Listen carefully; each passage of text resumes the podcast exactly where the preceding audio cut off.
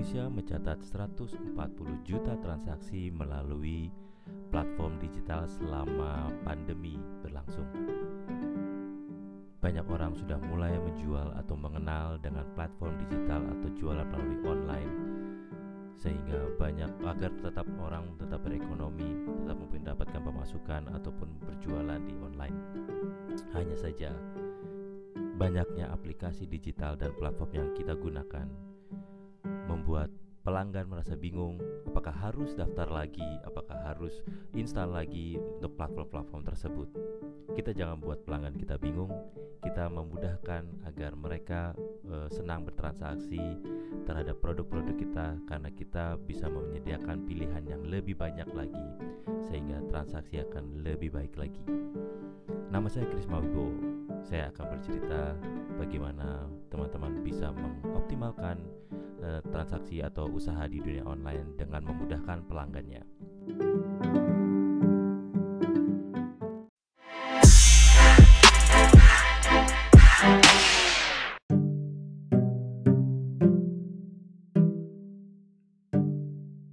Saya tuliskan dalam blog saya bagaimana memudahkan pelanggan dengan cara menyediakan satu link atau menyingkat link, menyingkat tautan sehingga pelanggan termudahkan dan pelanggan bisa uh, memilih transaksi apa yang mereka butuhkan.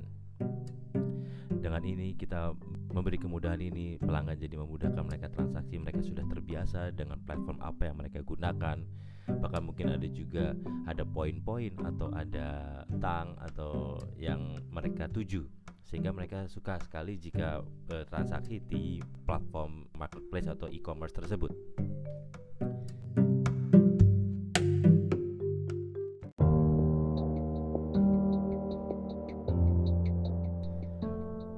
Sebagai gambaran saya dulu waktu kecil juga ibu saya selalu bercerita bahwa kalau saya mau cepat besar, kalau mau makan makan apa yang ada di depanmu.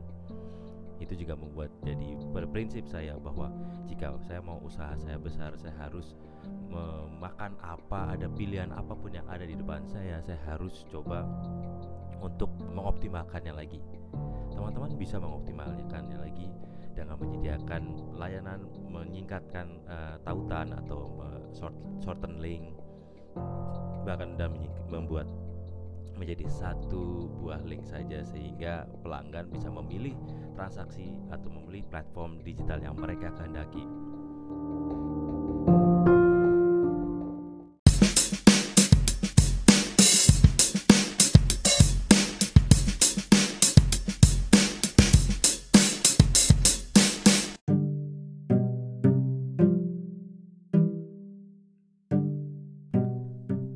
Dengan bantuan flow titik page atau flow titik page teman-teman bisa uh, melihat betapa memberikan landing page dan ada banyak opsi-opsi pilihan dari media sosial teman-teman dari media sosial atau marketplace yang teman-teman punya.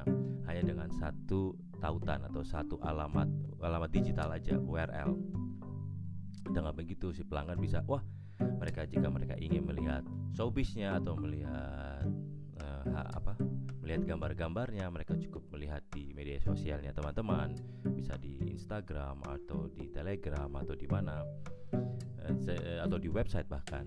Terus kemudian mereka ah saya mau ah saya mau transaksi. Nah, dengan transaksi mereka juga akan ada pilihan terserah dengan marketplace marketplace kesayangan mereka. Jadi kita sebagai penjual digital sebaiknya adalah kita memberikan pilihan tersebut. Dan menariknya di flow page ini adalah bagaimana memudahkan kita untuk memberi lambang-lambang atau logo-logo custom sehingga lebih menarik lebih uh, tahu paham bahwa oh ini logo yang saya biasa pakai pakai atau ini logo oh saya tahu dari logo aja mereka tahu dan kita bisa memberikan sedikit kutipan-kutipan tulisan sehingga para pelanggan kita ingin tahu kalau kita mau mereka mau transaksi di A marketplace A atau e-commerce A atau B atau C atau D mau Tokopedia mau lapak mau di Lazada uh, mau di Zalora dan segala macam.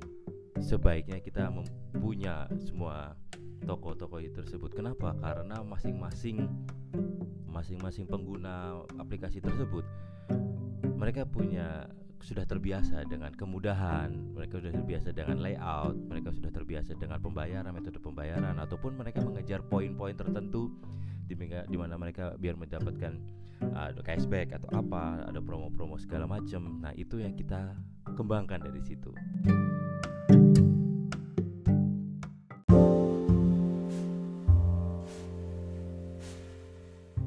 Kita sebagai pengusaha, kita harus cerdas, kita tidak memilih biarkan pelanggan kita yang memilih tapi kita juga tetap memberikan layanan terbaik setelah kita punya flow titik page apa yang harus kita lakukan? Ya kita harus gaungkan kita harus sebarkan. Tapi sebelum kita menyebarkan kita sebaiknya juga kita perpendek juga uh, tautan tersebut. Kayak misalkan kalau tautannya terlalu panjang flow titik pagi garis miring nama usaha anda kan terlalu panjang.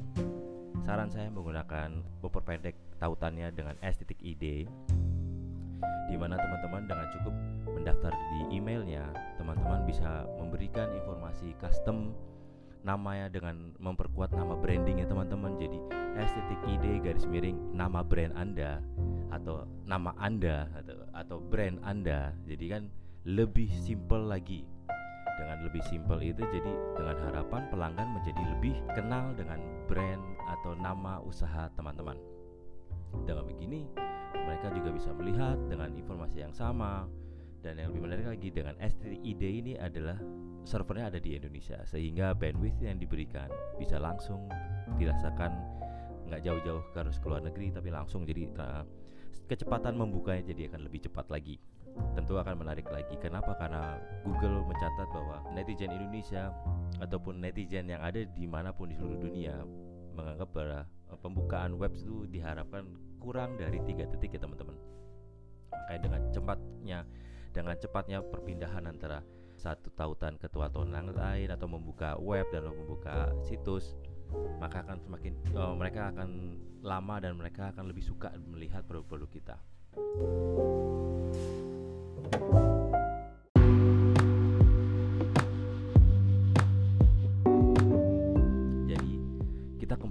usaha kita dengan kualitas kita juga memudahkan pelanggan kita untuk memberikan uh, layanan dan memberikan pilihan yang mereka kehendaki sesuai dengan uh, sesuai dengan marketplace yang mereka suka.